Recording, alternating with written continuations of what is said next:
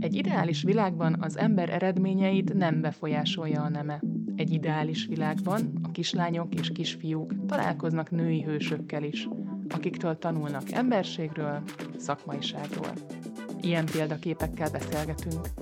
Nőkkel, akik úttörők lettek egy korán sem ideális világban. Aztán könyvet írtak belőle. Ez a Delongi és a Könyves Magazin közös podcastja a Túlaplafonon.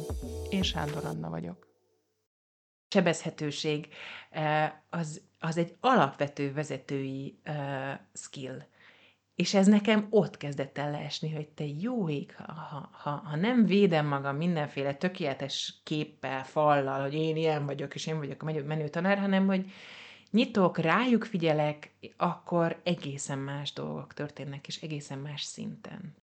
Jós Andrea, biológia, környezettanszakos tanár, tréner, előadó, tudománykommunikációs szakember. Televíziós és rádiós műsorvezetőként is dolgozott, jelenleg a Tanárnő Kérem podcastet készíti. Tanári munkája során elsősorban az élménypedagógia és a tapasztalati tanulás módszereit alkalmazza. Jelenleg tehetséggondozásban dolgozik, alapelve, hogy a tanórát formálja a diákokra, nem pedig fordítva. 2015 tavaszán a TEDx Danubia nagy konferencián tartott előadást, a tanári pálya már pedig menő címmel. Nem titkolt célja a 21. századi tanári önkép újragondolása és a módszertani fejlesztés. Jós Andrea rajzol is, mégpedig felnőtt színezőket, ezekben a magyar népi motívumokkal díszített emberi szervek gyönyörű képei segítenek közelebb kerülni önmagunkhoz, megismerni és megszeretni a testünket. Sziasztok, ez itt a Túl a Plafonon podcast, és első vendégünk Jós Andrea. Első? Wow. Első, veled indítunk bizony, hajaj.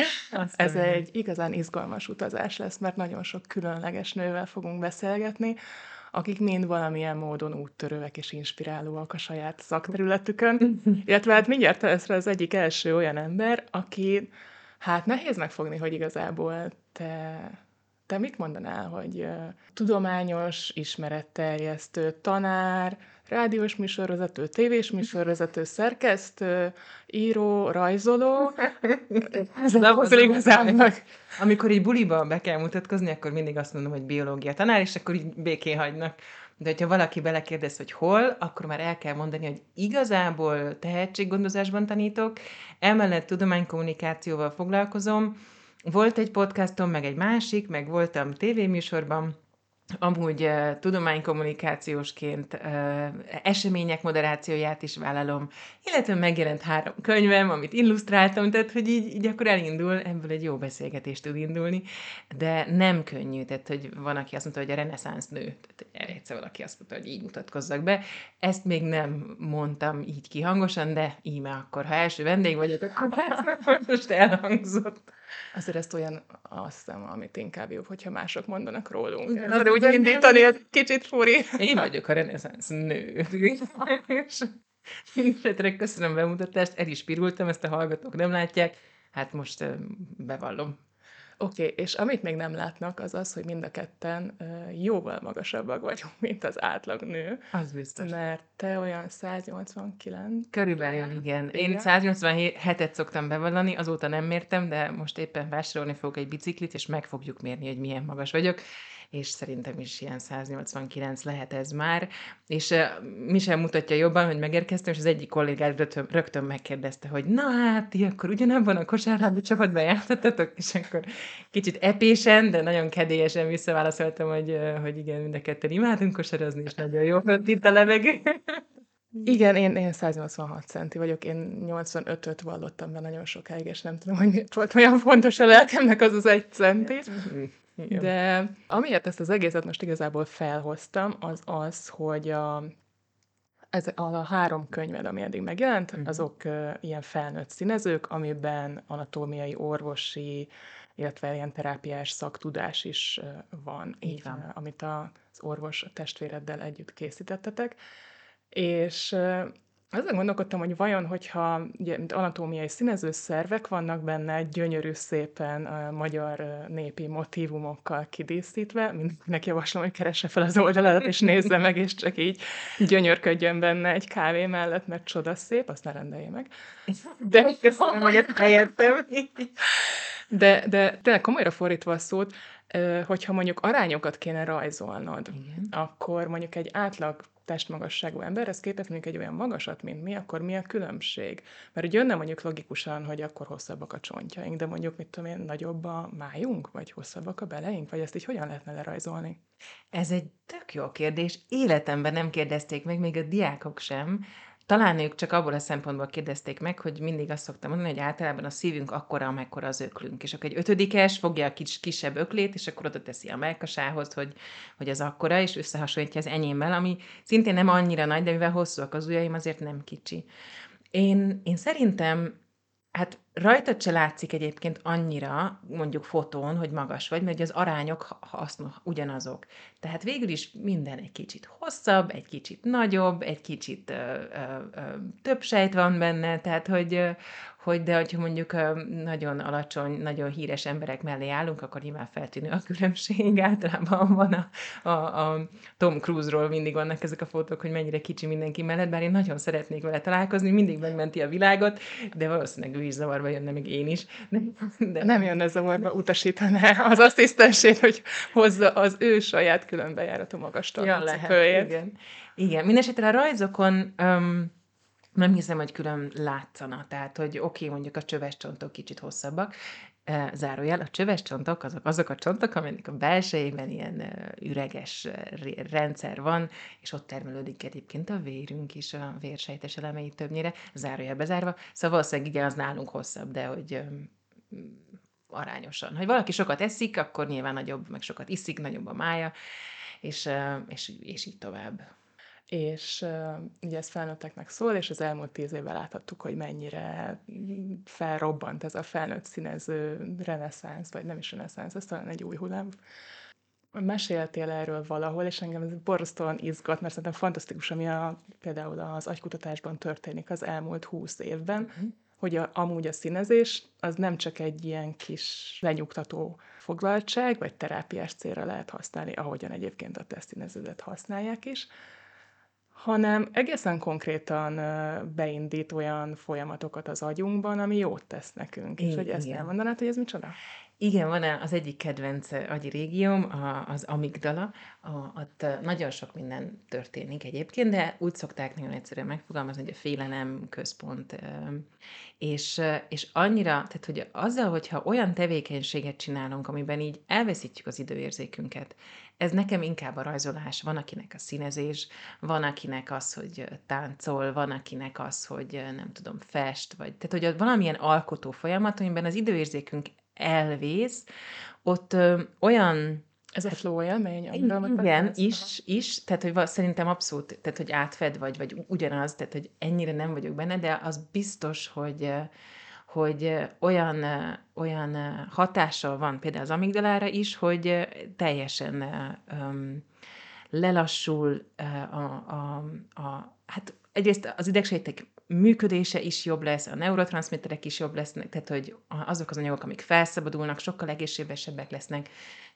És hogyha távolabbról nézzük, de nem vagyok a, a, ennek az idegtudományoknak a doktora, de az biztos, hogy összességében egészségesebb uh, agyműködés biztosít, és uh, pihentetőbb. Tehát ez a, a relaxációs gyakorlatokhoz hasonló uh, eredménye van, és hát én ezért is kezdtem el, mert amikor elkezdtem rajzolni, felnőtt fejjel, az pont akkor volt, amikor volt egy, egy betegségem, és azt gondoltam, hogy nekem most kell valami olyan tevékenység, ahol, ahol, amit csak rólam szól, ahol csak töltődöm, ahol nem érdekel semmi. És akkor azt a szervemet, amelyel, amivel a, a probléma volt, ez a, ez a női varszervrendszer, mert nekem endometriózisom van, um, azt kezdtem el lerajzolni szépen egészségesen, hogy na akkor ez hogy néz ki, hogy éppen gyógyul, műtét után vagyok, és, és ez nagyon-nagyon nagyon jó hatással volt rám is, és nagyon jó visszajelzéseket is kaptam, hogy na hát, hogy népi motivumokkal, emberi szervek, egyrészt te nem vagy normális, másrészt, ha, mivel nem vagy normális, ez nagyon jó, csinálj belőle egy színezőt, és akkor És akkor így jelent meg az első. És igen, tehát hogy, hogy így ilyen hatással van. De egyébként nem csak az amigdalára, de hogyha mondjuk vizualizációs módszerre használjuk, akár a rajzokat, akár teljesen függetlenül, ugye ezt is nagyon-nagyon sokat használják pszichológusi praxisokban, hogy, hogy csak lelassulni, elképzelni a, a, a testünk azon részét, amivel probléma van, egészségesen, az már egyébként a, az, a, a test energiáit és a véráramlást úgy befolyásolja, ellazulnak azok az izmok, amelyek egyébként össze vannak feszülve, engedik, hogy a véráram folyjon, hogyha van vér, akkor van tápanyag, van oxigén, az jót tesz a sejteknek, az jót tesz a gyógyulásnak, tehát hogy ez egy nagyon, nagyon egyszerű, józan paraszt észre kikövetkeztethető dolgok, amikre egyébként lehet mindenféle vallásokat, meg mindenféle szektákat is építeni, vagy mindenféle humbugnak gondolt gyógyító technikákat, de a mélyükön mindig van valami, ami, ami igazság. Uh-huh. És hogyan jött az, hogy ezt a biológiai, anatómiai vizualitást összekapcsold a magyar népi motivumrendszerrel, ami nagyon gazdag és sokféle, de hogy úgy, nem tudom, nem erre gondolnék először. Én se gondoltam erre. A, amikor, amikor gyerek voltam, akkor csak leültem, és így másolgattam nem tudom, mézes kalácsok mintáit, vagy, vagy újra rajzoltam, vagy, vagy volt ennek is egy, egy nagy robbanása, ez az úgynevezett zentangle, amikor a, vagy, vagy doodling, amikor így szinte mindenkire jellemző az, vagy legemző volt, hogy a telefonálás közben, ugye amikor még ilyen drótos telefon volt, akkor vagy tekergettük a drótot, vagy valamit rajzolgattunk közben, ezt egyébként most is néha telefonálás közben rajzolgatunk, és ez a, és ez a gondolkodásmentes rajzolgatás, minta készítés, ez egy teljes, tehát kinőtte magát egy irányzattá, és uh, amit én csinálok, az, az valahogy ez ennek a magyar népi motivumvilágnak a keveréke, ezzel a ritmizált um, um, minta alkotással, és, vagy mandala készítéssel is, és hát a népi motivum onnan jött, hogy valahogy benne van, nem tudom, a, a gyerekkoromat is átszövi. És mint a magyar népdalok, hogyha az ember azt hallja külföldön, akkor így, ú, mi ez, de jó, még ha csak a dallamat halljuk is, akkor is annyira hozzánk szól, hogy, hogy, hogy, hogy beindul az ember szívverése, és valami ilyesmi szerintem a magyar népi motivum is, hogy, hogy mi, meg a mexikóiak, egy, egy mexikói barátom volt most itt Magyarországon, és mondta, hogy ő ezt nem tudta, hogy mennyire hasonlítanak a motivumaink. Mm. Tehát, hogy, hogy azonnal bekapcsol az, a, az, az az öröm, hogy jaj, de otthonos, és akkor ezeket valahogy véletlenül igazából kezdtem el használni. És akkor a elkészültek ezek a színezők, és amire mhm. már itt utaltam is, hogy, hogy ezt aztán konkrétan használják is ilyen kardiológiai terápiában. Igen, igen, igen. Van, vannak olyan intézmények, ahol, ahol a, a műtött a betegeknél terápiában alkalmazza az intézet pszichológus, és, és akkor ezeket a könyveket öm, oda adja. Ugye három könyv van, az elsőben nem volt szöveg. Az első az csak emberi szervek, a tüdő, a matyóval, akkor a szem, ormánsági, nem tudom, ilyen-olyan, olyan, ami engem megszólított és tetszett. És akkor a második volt az, ahol, ahol integrált szemlélettel van szó az emberi szívről. És Ez akkor mit jelent, hogy integrált, integrált szemlélet? az azt jelenti, hogy nem csupán a, a hagyományos nyugati orvoslás, hanem a testkezelések, mint például a masszázs, mint például a köpői technika, mint például, hogy ez nagyon fontos az integrált szemléletben, ugyanúgy nagyon fontos az integrált szemléletben a táplálkozás, nagyon fontos az integrált szemléletben a pszichológiai támogatás, és hogy ezt nagyon kevés szak. Tehát általában szakemberek, mi megyünk szakemberről szakemberre, mert akkor járok a pszichológusomhoz, járok masszázsra, járok sportolni, járok a dietetikushoz, és járok az orvoshoz, aki egyébként megnézi, hogy hogy, hogy, hogy állnak a hormonjaim, vagy éppen eltört a csontom. Az integrált szemlélet az pedig pont azt mondja, hogy, hogy lépjünk egyel vissza, és nézzük hogy meg, hogy az okot, ami ott van, a problémát, az, az nem feltétlenül csak testi indoka van, sőt, van lehet lelki, életmódbeli, táplálkozásbeli, és hogy ezeket hogyan tudjuk a legjobban úgy alakítani ahhoz, hogy ebben a könyvben specifikusan a, a, a keringési rendszerünk ideálisan, vagy a lehető legideálisabban működjön. És ennek szakértője, meg a medicinánál meg is jelent könyve dr. Jós Károly, aki épp a bátyja, hogy ezt nyilván mondhatnám, hogy véletlen, de nem az. És, és akkor nekiálltunk, hogy, hogy hát csináljunk valami olyat, ami kézzelfogható, egyszerű, használható, és volt is a családunkban szívinfarktus, tehát érintettek voltunk mind a ketten, és akkor azt mondtuk, hogy na jó, akkor ezt csináljuk meg. És, és ez nagyon, tehát hogy szeretik is, és, és most karácsonyra nagyon sokat rendelik. Tehát most valamiért ez, ez megy nagyon, meg a harmadik színező a, a, a szülésszületés, ami babavárás, és babát tervezőknek, és babára vágyóknak, és babát váróknak készült, és azt pedig két perinatális szaktanácsadóval írtuk, vagy hát ők írták, én rajzoltam. És akkor az pedig jól sejtem, hogy akkor a fogantatástól a szülésig. A Sőt, a gyermekágyig. Na, mert ugye minden, van az a képünk, hogy, hogy persze fogantatástól a szülésig, anya, baba. Mm-mm, nem. Fogantatástól a gyermekágyig, anya, apa, baba. Tehát egy ilyen hármas szemszögből, és, és hogy benne van bőven az a gyermekágy időszak, amiről nagyon keveset tudunk, és most, hogy együtt dolgoztam ezzel a két csodálatos szakértővel, velük tőlük tanultam én is elképesztően sokat, és hogy... Például hogy... mi volt az, amit mondjuk te terveztél valamit, de és ők hoztak be, hogy erre nem is gondoltál, és ez mennyire jó, hogy akkor Én belekerültek. Például nem tudtam, a, hogy a mézomzat, a, tehát egyáltalán, hogy a fájások mire valók. Tehát, hogy a mézomzat nem az, hogy csak így fáj, és akkor lent így nyílik, hanem egyszerűen átszerveződik a mély izomzat, ahogy a baba feje van, le, van lefelé, a, a keresztcsont felé, és a, és a feneke ideális esetben fönt, vagy nem ideális, de mondjuk többségi esetben és akkor a mély izomzat hogy átgyűrődik, felgyűrődik, úgy, hogy aztán ki tudja nyomni a gyereket. Tehát, mm. hogy, és ez nem az, és tehát végül is nem lent tágul, hanem átszervezi magát éjszakabbra, most mondom így, hogy, hogy aztán a gyermeket ki tudja tolni. És hogy azért vannak a fájások, mert hogy ez, a, ez, a, ez az átszerveződés történik, és hogy és hogy ennek csak egy következménye a tágulás, amit nyilván vizuálisan észre lehet venni, vagy meg tud nézni a nőgyógyász vagy a, vagy a bába.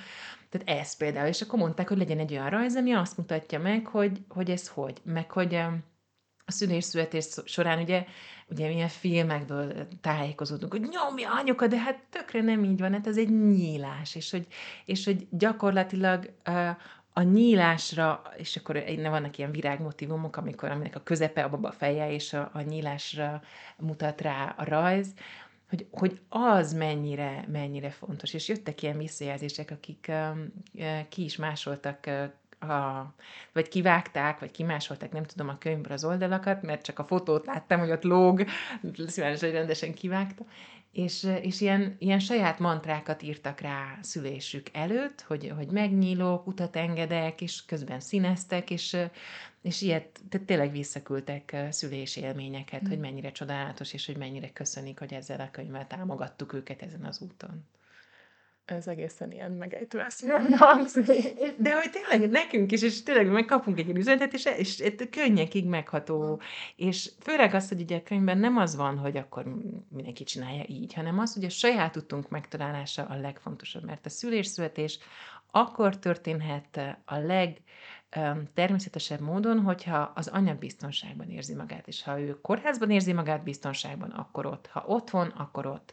Ha, tehát, hogy, hogy, hogy az a fontos, hogy mi érezzük meg, hogy nőként, hogy nekünk mi az a, az a hely, ami, ahol lehet tudjuk engedni magunkat, mert igazából itt ez, ez, a, ez a kiengedés egy nagyon fontos folyamat, meg hát úgy hatnak azok a női hormonok, mint a drog, tehát hogy az egy teljes más állapot, tehát tényleg, tehát hogy ilyen, és egy nagyon érdekes dolog volt, és akkor rajzoltam oxitocint, kémiai, az oxitocinnek, a, hogy hogy néz ki a kémiai képet, ezt így virágokból összeraktam, ez is nagyon szórakoztató volt. De hogy, na, hát szóval ez egy nagyon nagy tudomány, és hogy azzal, hogy elkezdtük ezt a könyvet csinálni, nekem is kinyílt a tér, hogy ú, mennyi mindent nem tudok. Hiába vagyok biosztanár, meg ilyen egészségtudatos, hát ez tényleg semmit nem tudunk. Most az elmúlt pár percben már szerintem a hallgatók is így valamennyire képbe kerültek, hogy mennyire jól tudsz ma- magyarázni tényleg a, a videóidat, hogyha YouTube-on meg lehet találni ott is az élménybiológiai oldalon, hogy a hűtődnek az oldalán készíteni és stop motion, vagy ne, talán nem is stop motion, ami ilyen felgyorsított. Felgyorsított, igen, stop motionnek indul, de egy sokkal egyszerűbb felgyorsítani, igen, de kvázi az a hatás. Oké, okay, te miért ne használd a szundi gombottól, hogy igen. hogyan áll össze a vérünk, és akkor most igazából működne a szent vagy sem a igen. örök élet elnyerésében. De hogy igen, tehát én látom ebben az egészben azt, ezt a, a biológia tanárnak a, a lelkesedését, a lendületét, a magyarázó készségét. Mm. mm hogyan jött az, hogy te mégis ilyen tévés, meg rádiós műsorvezetőként kezdtél el dolgozni? Ez nagyon érdekes egy énekverseny kapcsán, tehát, hogy én egyetem alatt elmentem a társulatba énekelni, jelentkezni, az még az István király szerepeire keresett um, szereplőket, és akkor ott első fordulón túljutottam, és a második fordulóba kiestem, de annyira lelkes voltam, hogy uh, megkerestem az összes zsűritagot még a Viven, és Lévai Balázs, aki a zsűri tagja volt, aztán ott hagyta a produkciót, vagy szétváltak, ő visszajelzett, és akkor igazából vele kezdtünk el közösen dolgozni, és kis munkákat adott, aztán nagyobb munkákat, akkor lettem szerkesztő, közül megírtam a diplomámat, lettem már műsorvezető, leállamvizsgáztam, tehát hogy így a biológia és környezetten tanárszak így megszületett. Igazából talán nem is a tanítás nekem a, a, a, a szuper képességem, hanem arra jöttem rá, hogy én nagyon jól tudok figyelmet felkelteni, és figyelmet ráirányítani bármire. Ugye gyerekként magamra, nyilván, negyedik gyerek vagyok, túl kell élni, adjatok enni, adjatok figyelmet, adjatok, ez, ez így jó volt. És akkor ahogy teltek, múltak az évek, vizsgázáskor például nagyon jól eljátszottam azt, hogy én igazából tudom az anyagot, csak annyira izgulok, hogy, hogy nem emlékszem arra, hogy akkor ez most, ez most az oxitocin, ez most ott van egy hidrogén, vagy nincs, tehát hogy, hogy így, szóval, hogy na, egy kicsit így mindig egy-egyen jobbat valahogy így kicsavartam magamból azzal, hogy, hogy másra irányítottam a figyelmet, de hogy aztán felnőttként tényleg, hogy, vannak olyan ügyek, vannak olyan uh, helyzetek, vannak olyan emberek, akik re, akikért tudok, vagy akikkel tudok együtt dolgozni, és tudok figyelmet ráirányítani. Tehát, hogy ha ez tanítás, akkor, akkor az, ha ez biológia, akkor hát mondjuk azt nem szeretem, inkább a, a, a gyerekekkel való kapcsolatra szeretem a figyelmet irányítani. Hogyha ez egy könyv, a, vagy mondjuk a perinatális szaktanácsadók munkája a szülés-születés csodálatos világáról, akkor az. Ha pedig egy rendezvény, ahol, ahol tudománykommunikációsként, vagy csak sima műsorvezetőként vagyok jelen, akkor az. Tehát, hogy,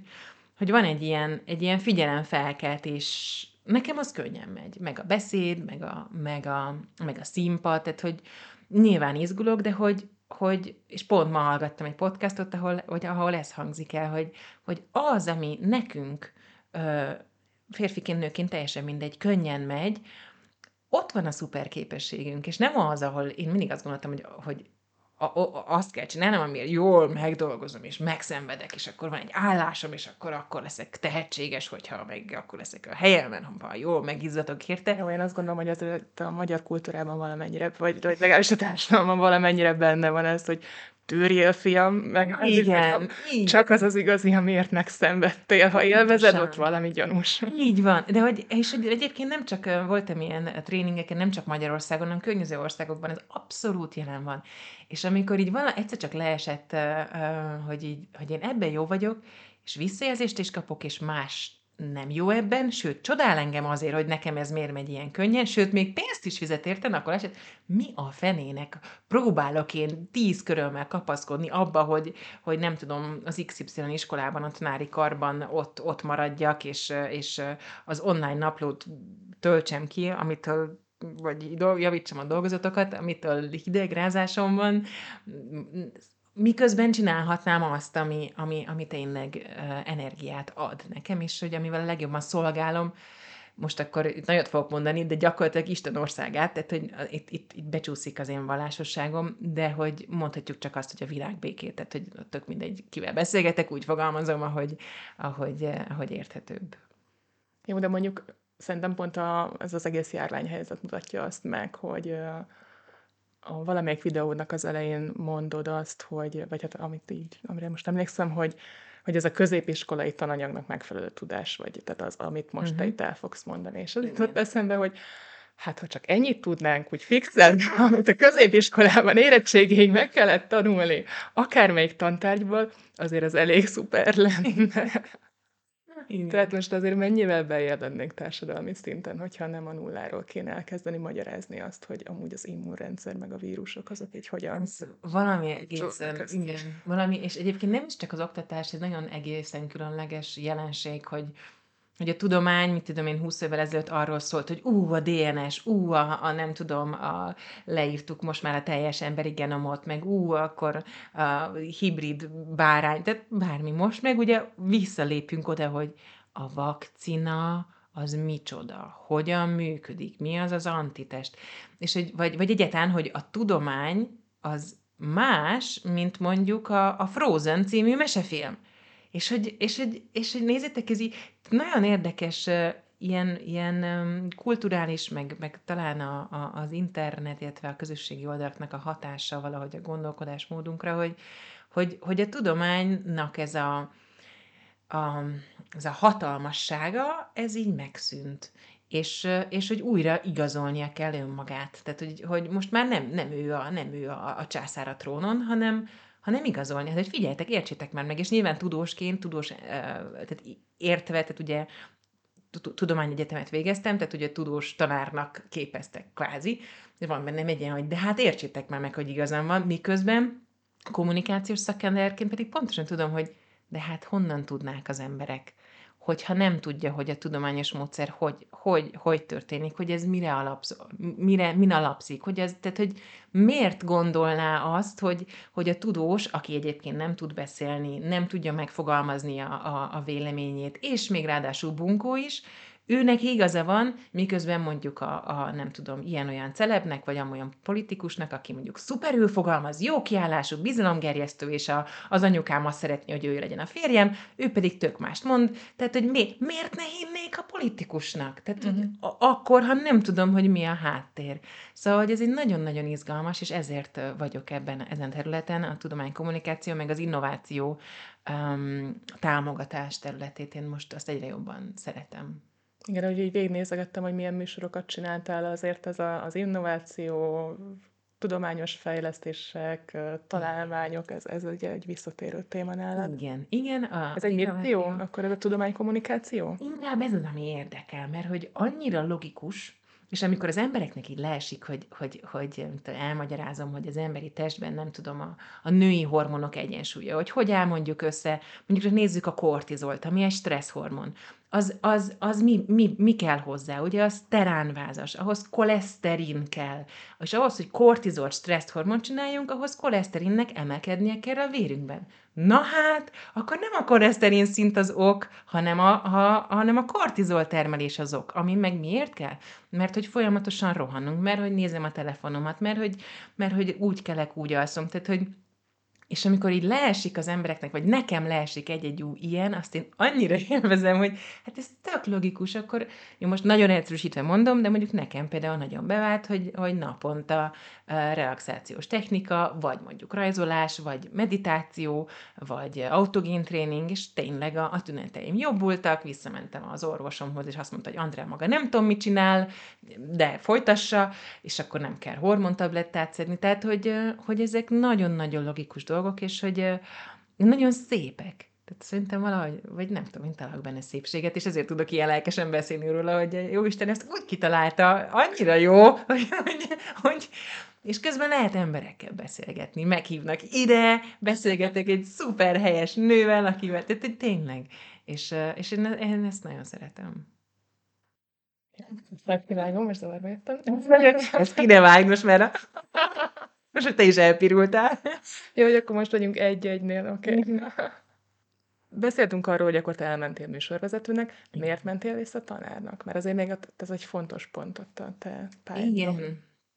Volt ugye tanári diploma zsebemben, és soha nem használtam, vagy hát így néha voltam cserkészvezető, de hát annyi. És akkor nagyon furdalt az oldalamat, hogy na mi lenne, hogyha én akkor azt végre használnám, meg úgy tényleg úgy hívott, meg, meg iskola, meg... És akkor egy, egy nagy bátor lépés volt. A, pont a televíziós műsor megbízások isnak, hogy volt egy ilyen hullámvölgye, és akkor Lévai Balázsad elbúcsúztunk, és akkor én beleálltam abba, hogy, hogy részállásban legyek tanár, és pont jött egy, na, a kórusban, ahol éneklek, ott van egy ilyen lista, és ott jött egy meghirdetés, hogy a Deák Téri Evangélikus Gimnáziumban biosztanár keresnek. Nyilván július volt, amikor elvileg már minden állás be van töltve, én nyilván akkor jöttem rá, hogy akkor talán tanár akarok lenni, de akkor még és érkezett júliusban egy, egy felkérés, és akkor egy két napon belül ott voltam az igazgatónő irodájában, akkor beszélgettünk, mondta, hogy hát kedves Andrea, a, a kommunikációs képessége az, az láthatóan nagyon jó, a tanárságnak a 90% a kommunikáció, illetve a 80, a maradék a, a szakanyag, aminek nyilván önnek megvan a, a tudás, vagy meg volt a tudása, de ez most egy kicsit hiányos, viszont frissíthető, úgyhogy Isten hozta tanári Mi alapján mondta, hogy hiányos? Hát mert nem használtam. Nem, hát nem használtam. Tehát, hogy az mondja, a középiskolai biológia tudás, ez ilyen specifikus, tehát, hogy, hogy, hogy, hogy nem mindig a legfrissebb kutatási eredmények vannak benne, mert például volt egy időszak, amikor már rég tudtuk, sőt most is tudjuk, hogy mondjuk nem öm, négy alapíz van, hanem öt, meg hat, meg hét, meg uh-huh. stb. De a biológia könyv, meg a biológia érettségi még mindig ott volt lemaradva, hogy négy. Tehát, hogy ezt a szaktudást kell nekem um, frissen tartani, és akkor mondta, hogy, uh, hogy ez, ez elég gyorsan behozható, üdv a kar, tanári karban mostantól tegeződjünk, és akkor így, így volt, és akkor elkezdtem um, uh, ott, ott tanítani, és ez nagyon jó volt, meg aztán még két iskolában párhuzamosan, és, és nagyon, nagyon-nagyon-nagyon sokat tanultam és tapasztaltam. Például? Tehát a korábbi tapasztalataidhoz műsorvezetőként ahhoz képest miben volt más? A egyik legnagyobb, és ott esett le igazából szinte véglegesen, hogyha én ezt a figyelemfelkeltő képességemet, amiről, amiről meséltem itt korábban, magamra használom, hogy rajtam legyen a figyelem, rajtam legyen a, a, a tehát legyen, amit én akarok, és úgy, hogy én akarom, és hogy, tehát, hogy ugye a hatalom motiváció és szereplés motiváció minden tanára majdnem jellemző, rám abszolút. Ha saját magamat teszem a fókuszba, akkor semmi nem fog működni. Tehát, hogy akkor csinálok egy, egy show műsort, amin elszórakoznak, de nem tudom, három hónapon belül uh, hangszalaggyulladásom lesz, és, uh, és egyébként meg teljesen kimerülök. És ott álltam át erre, hogy aha, akkor esetleg talán nem magamra kéne figyelni, hanem van itt a teremben még 30 másik ember. Kik vagytok? És hogy is hívnak? Tehát, hogy, így, tehát, hogy ehhez leesett, hogy te jó ég, Andi, ennyire egocentrikusan, hát ezt így nem lehet csinálni. Pedig azt gondoltam, hogy így kell. Hogy az én tanáraim meg általában ugye az egocentrikusság jellemző ránk nem csak, nem csak az iskolarendszerben, a tanárokra, hanem amúgy is gyerekként, mert hogy nyilvánvalóan.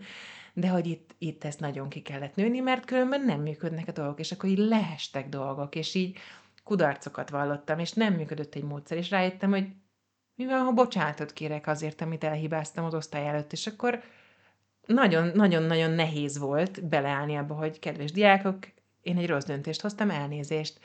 Mert hogy simán visszajöhettek volna vele, mert megdobálnak a rohatalmával, vagy most mondtam valamit. De nem, ledöbbent az osztály, csendben maradt, és, és a következő alkalommal meg már, vagy később meg már voltak olyanok, hogy ők kértek valamiért, hmm. vagy az egyik diák kért valamiért bocsánatot. Tehát ez a, ez a, a szívemnek a megnyitása, vagy most én nagy Brené Brown rajongó vagyok, az a sebezhetőség, az, az egy alapvető vezetői skill. És ez nekem ott kezdett el leesni, hogy te jó ég, ha, ha, ha nem védem magam mindenféle tökéletes képpel, fallal, hogy én ilyen vagyok, és én vagyok a menő tanár, hanem hogy nyitok, rájuk figyelek, akkor egészen más dolgok történnek, és egészen más szinten. Tehát, hát meg a személyes példamutatás. Tehát az, amit ugye nagyon sokat beszélnek erről a pszichológusok, hogy akár szülőként is, de hát tanárként is, tehát hogy Igen. nem az fog átmenni, nem arra fognak figyelni, nem az ragad meg, hogy miről beszélünk, hanem hogy hogyan viselkedünk, Igen. és hogyha egy autoriter pozícióban lévő személy adott esetben a tanár azt tudja mondani, hogy ezt elrontottam, ne haragudjatok, és próbáljuk meg újra, vagy máshogyan, vagy nem tudom, azért az nagyon mélyre megy szerintem. És nagyon megtisztelő, amikor ezt visszajelzik. Tehát volt olyan, hogy valaki visszajelezte, hogy tanárnő, től tanultam meg azt, hogy merjek önmagam lenni. És nekem ennél több nem kellett, most is ettől, tehát, hogy annyira megtisztelő egy ilyet olvasni egy 18 éves érettségizőtől, aki amúgy nem nagyon osztja meg a gondolatait, csak úgy. És, és akkor és akkor ez, tehát hogy igen, szóval nagyon-nagyon szép időszak volt. Ugye annak az lett a vége, hogy itt fél mondatban utaltam rá, hogy több iskolában is tanítottam egyszerre, meg akkor voltak rádióműsoraim, tehát annak a vége volt a, az endometriózis, tehát hogy ott, ott egy kicsit így le, leálltam a, a a gyertya öt végén égetésének a, a gyakorlásával. Egy kis önkizsákmányolásától Megfelelés, meg minden, meg maximalizmus, meg minden, ami ennek a, az egocentrikusságnak a, ja, ne, a hodadéka volt.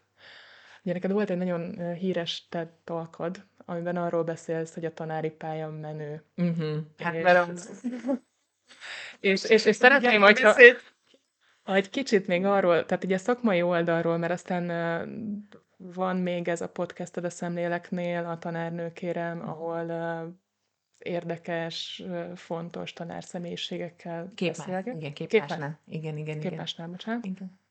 És tehát szeretném, hogy egy kicsit beszélnénk arról, hogy mi a te tanári arszpoétikád, Aha. vagy, vagy hitvallásod, tehát szakmai oldalon. Mert az emberi azt most szerintem egészen szépen kirajzolódott, de hogy, az az érdekes, hogy nincs különbség. Tehát, hogy, hogy, hogy az lett azért össze bennem, hogy tanárként akkor vagyok tanár, hogyha önazonos vagyok emberként. Tehát, hogy, és az, ez esett le.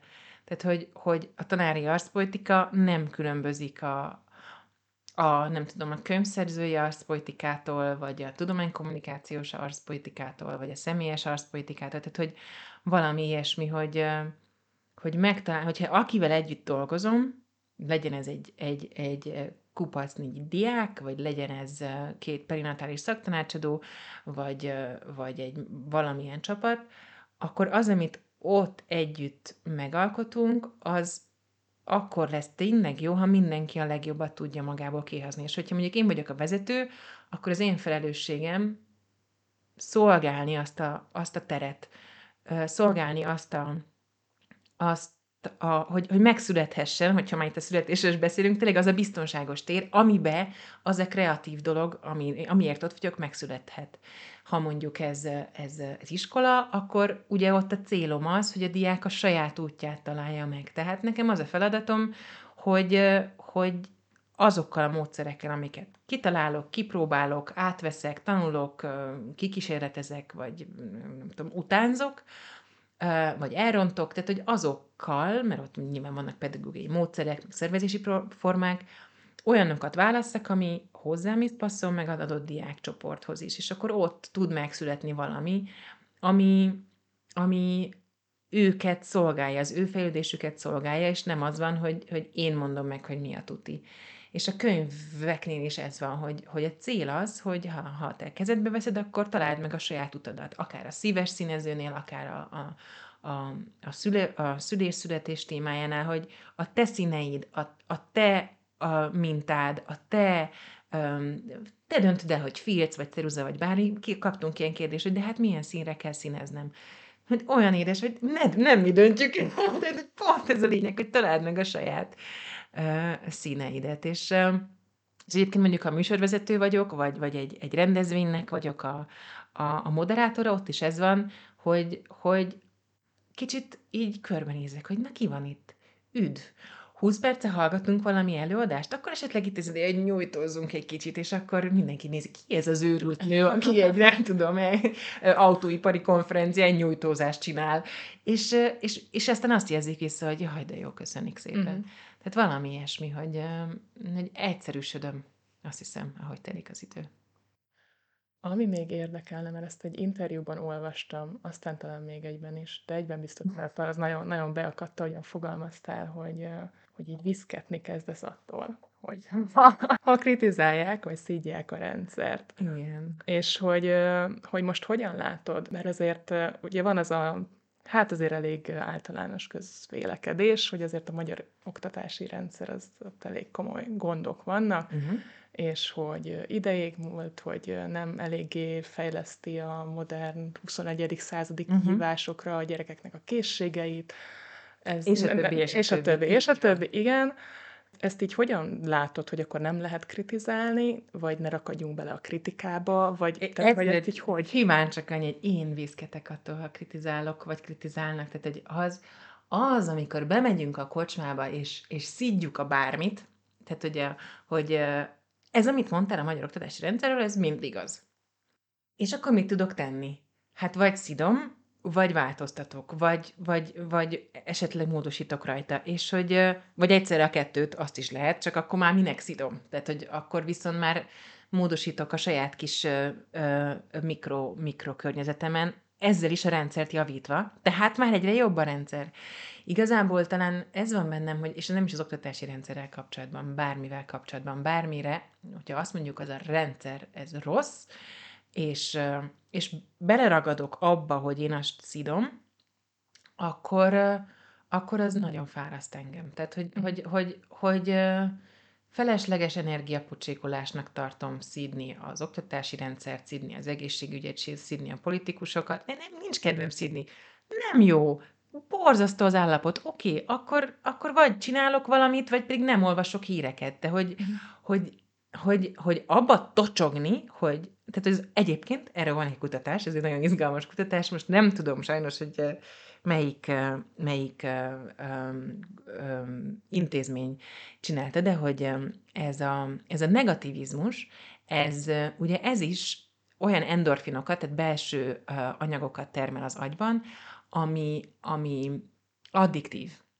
Uh-huh. És hogy addiktívabb, volt egy ilyen kutatás felmérés, ez a, ez a tocsogás a, a, a, a, a negativizmusban, mint a cukor.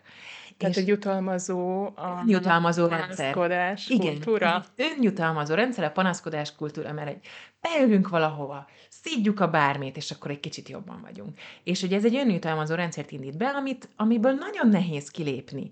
És, és tényleg ez lehet bármi, tehát hogy lehet az időjárás, az is egy rendszer, tök, és, és, és, hogy, és hogyha én, tehát hogy azért, azért viszketek tőle, mert hogy rajta kapom magam, hogy megy, a, megy az időm, amit azzal is tölthetnék, hogy, hogy valakit a háta mögött dicsérek, tehát, hogy uh-huh. mondjuk, mondjuk nem az időjárás, de mondjuk embereket, vagy kitalálok valami megoldást egy problémára, vagy csinálom azt, amit szeretek, vagy alkotok, vagy azokkal vagyok, akiket szeretek, vagy olyan dolgokról beszélgetek, amelyek, amelyek, amelyek előre viszik a, a, az életemet. Nem, tehát, hogy nagyon nehéz erről úgy beszélni, hogy, hogy ne, ne legyek ilyen mindent megmondó, mert nem igaz, hogy, hogy én ne szidnám a, a nem tudom mit, tehát, hogy bemegyek valahova, és hogy ja, igen, milyen sötét van, igen, ez az óra átállítás, ez egy nehéz ügy. Na, és egyébként hogy van ma a kedves, nem tudom, Kovács néni? Tehát nyilván én is csinálom, ez olyan, mint az angoloknál az időjárásról beszélgetést tényleg, hogy nálunk ez a szokás magyaroknál, valamit szidunk, aztán megy tovább az élet. De hogy igyekszem, ahol tudok, így egyrészt kiszállni ezekből a, a, a beszélgetésekből, amir, aminek van, volt olyan következménye, hogy megsértődtek rám. Hm. Tehát, hogy, hogy, hogy veled nem lehet normálisan beszélgetni. És akkor hát ez van, hát igen, de hogy... Benne van a Tanárnőkérem podcastben ez, hogy akkor egy ennyire záruló és szűkülő mozgástérben, ami azért most a tanároknak egyre inkább van, hogy alternatikákat mutassál, vagy jó példákat, vagy... Nagyon érdekes, hogy te is úgy fogalmazol, hogy záruló és szűkülő tér. Hát mert és így érzékeljük. Így érzékeljük, és ilyennek nevezzük. Uh, és, és nyilvánvalóan nem jó a, a, az állapot egyébként, uh, és hogy uh, mondjuk attól függ, hogy honnan nézzük, de hogyha csak a, az én szempontomból nézem, mint, mint egyszerű tanár, akkor hogyha arra figyelek, amikor, amikor arra figyeltem, inkább így mondom, hogy mi a nehéz, mi a rossz, akkor bele, szépen belementem ebbe a negatív spirálba, hogy nekem ez sem megy, ez se fog le, ez se lesz jó, és nem. Ha meg arra figyeltem, hogy azon belül, ahol vagyok, mi az, amit tudok javítani, akkor meg egyre nyíló kör lett belőle, mert jött egy kollégám, hogy te Andi, ez mennyire jó ötlet, te mi a fenét csinálsz akkor, amikor a gyerekek így jönnek ki az óráidról. Persze volt olyan, aki meg azt mondta, hogy nem is vagyok tanár, mert csak félállásban vagyok, és nem tudta, hogy közben van még három félállásom, de hogy hogy, és visszatérve a kérdésednek a tanárnő kérem podcastra vonatkozó részére, ott valahogy azt igyekszem megmutatni, hogy azok a tanárok, akik, akik valamilyen szempontból különlegesek, mert ajánlották őket, mert hallottunk róluk, mert, mert valami, valamit csinálnak, ami miatt mások azt mondják, hogy na bele beszélges, őnáluk mi az a pont, amikor amikor ezzel találkoztak, hogy aha, a rendszer rossz, na de én tehetek valamit. És, és hogy hogy lesz a kudarcból, hogy lesz a, a nehézségből mondjuk egyszerűen trágya, amiben aztán kinő valami új, valami, valami szép, hogyha, hogyha szeretnénk, hogy kinőjön. És akkor ezt, ezt nézzük meg minden embernél, hogy, hogy ki mit, hogyan csinál, és hogy nagyon-nagyon érdekes beszélgetések. Van, ami nagyon jó, tehát kedves hallgatók, aki meghallgatja, és van, ami nem annyira jó, mert hogy egy egyszemélyes csapatként dolgozom a, abban a podcastban, illetve most pihen is a tanárnő kérem, de hogy, de hogy majd, ha, ha folytatódik, akkor, akkor jobban, tehát hogy struktúráltabban, de ugyanez lesz, hogy így az embereknek a, a lelke érdekel, az útja, a története, azok a sztorik, amikből azt, ból aztán olyan dolgok nőnek ki, mint mondjuk, mint, ha aki hallgatott Karikó Katalina interjút, látja, hogy azok a sztorik, azok nagyon egyszerű emberi történetek, és aztán kinő belőle valami hm. világhíres eredmény. Mm. Ez itt így zárult jelben hozzátenném, csak már így az önmegismerés, meg hogy legyünk rugalmasabbak és nyitottak, hogy nem vagyunk robotok, és senki felé sem, magunk sem, mások felé nem elvárás, hogy folyamatosan mindig magas minőségben, és mindig Igen. ugyanazt kelljen megcsinálni. Hát sőt, sőt, mindenki, aki most ezt hallgatja, simogassa, én is most megsimogatom, de simogatom a saját vállunkat, hogy már egy más, mi két éve, nem tudom már mióta vagyunk, egy olyan szituációban, ami, ami, ne, ami, ami elképesztően durva. Tehát világjárvány közepén ilyen jól helytállni, ráadásul tél van, vagy mindjárt tél, és nem, most már rendesen tél van, mm. sötét van, és, és mégis aki hallgat minket, az megtesz magáért annyit, hogy podcastot hallgat, micsoda öngondoskodás, ez milyen szuper dolog, hogy mosogatás, vagy sétálás, vagy pihenés közben beszélgetésbe kapcsolódunk be, tehát hogy, hogy mi annyira megérdemeljük a, a, a gyöngétséget, meg azt, hogy, hogy lehessen hibázni. Én is egy csomót hibázom, és tök rossz vagyok abban, hogy megengedjem magamnak, de mindig, mindig, mindig, mindig emlékeztetem magam, hogy, hogy, hogy csak gyöngéden, csak, csak finoman. Ehhez kapcsolódva elindult az advent, amikor felveszük éppen ezt az adást, mm-hmm. és még valamikor decemberben ez ki is fog menni. Többször említetted azt, hogy te vallásos vagy, mm-hmm.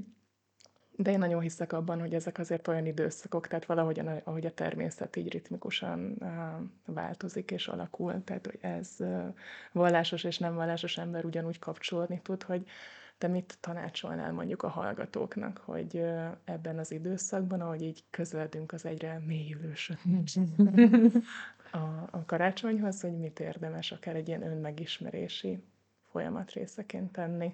Elmondok egy történetet erről, ez pénteken, most mi van most, hétfő? Hát hétfő. Hétfő van. Pénteken, ugye advent első vasárnapja volt tegnap, pénteken történt meg velem, hogy hazaérkeztem az autóval, leparkoltam, és nagyon, néha van ilyen, de hogy mint kiderült többeknél, hogy leparkoltam, leállítottam a motort, és csak hátradőltem az autóba, és ott, ott ültem. És nem, de percekig. És nem volt kedvem se mozdulni, se fölmenni haza teát főzni, nem kellett programra, mert nem, tehát nem volt semmi dolog, tehát pihenhettem volna a saját lakásomban, de nem csak ott ültem az autóban.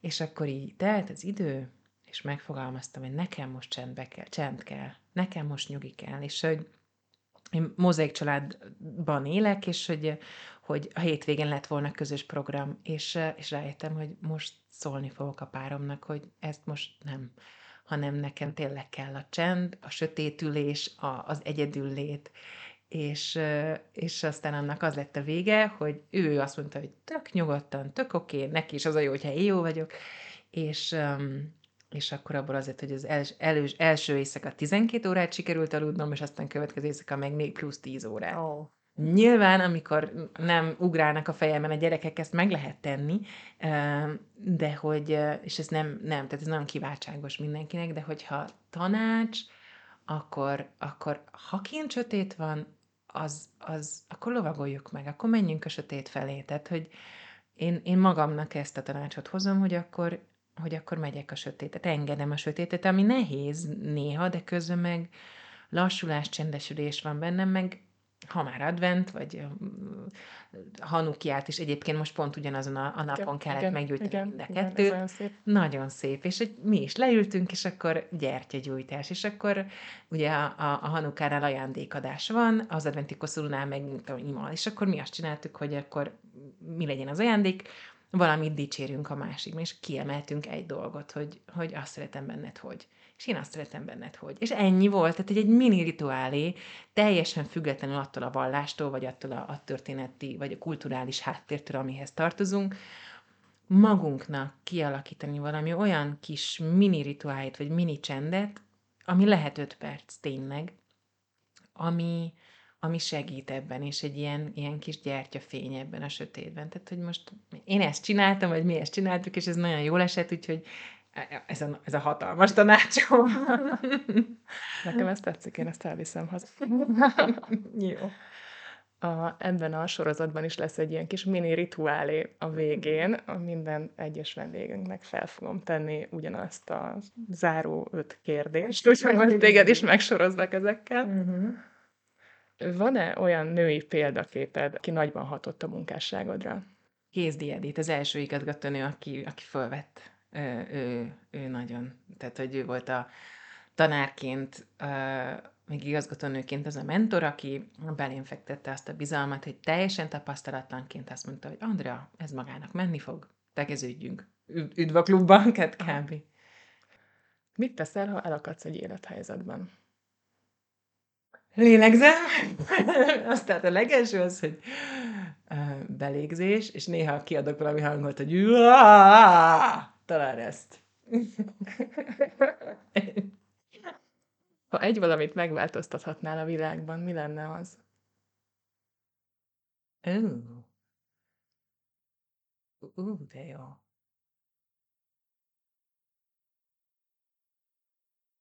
Nem tudom, ez nagyon izgalmas. Mondanám azt, hogy világbéke, de akkor meg, tehát akkor, akkor, akkor meg, akkor az már paradicsomi állapot lenne, és az már nagyon uncsi. Tehát, hogy ha eszembe jut, akkor még a végén meg, megmondom. Okay. Mit üzensz a 2071-ben élő magyar nőknek? Ezt, ami, ami szó, egy gyöngétség. Gyöngétség magunkkal. Gyöngétség. Szabad, szabad lenni, hibázni. Legyünk, merjünk gyöngédek lenni magunkkal is. Talán ezt. És az utolsó, hogy mi volt a legutóbbi nagy olvasmányélményed? A dűne.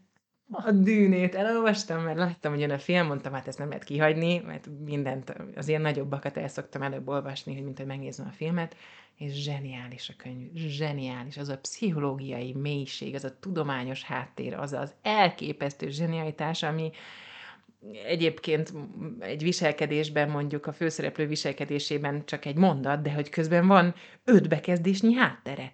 Zseniális, mindenkinek ajánlom a dűnét elolvasni. Oké, okay. utolsó lehetőség, hogy mit változtatnál meg. Mm, lehetne mondjuk, mondjuk két hold. Hogy amikor az egyik hold nincs, akkor lehessen nézni a másikat. Valami extra szépséget, plusz egy szépséget berakni, vagy még egyel több csillag. Tehát, hogy akkor Na, talán ezt, hogy egy, egyel több szépség, ami, ami egy megállít legyen a világban, és akkor mondjuk az lehet egy hold. Köszönöm. Nagyon örülök, hogy eljöttél, és hogy beszélgettünk, és köszönöm a hallgatóknak is, hogy velünk voltatok. Jövő hónapban ismét találkozunk. Sziasztok! Köszönöm én is.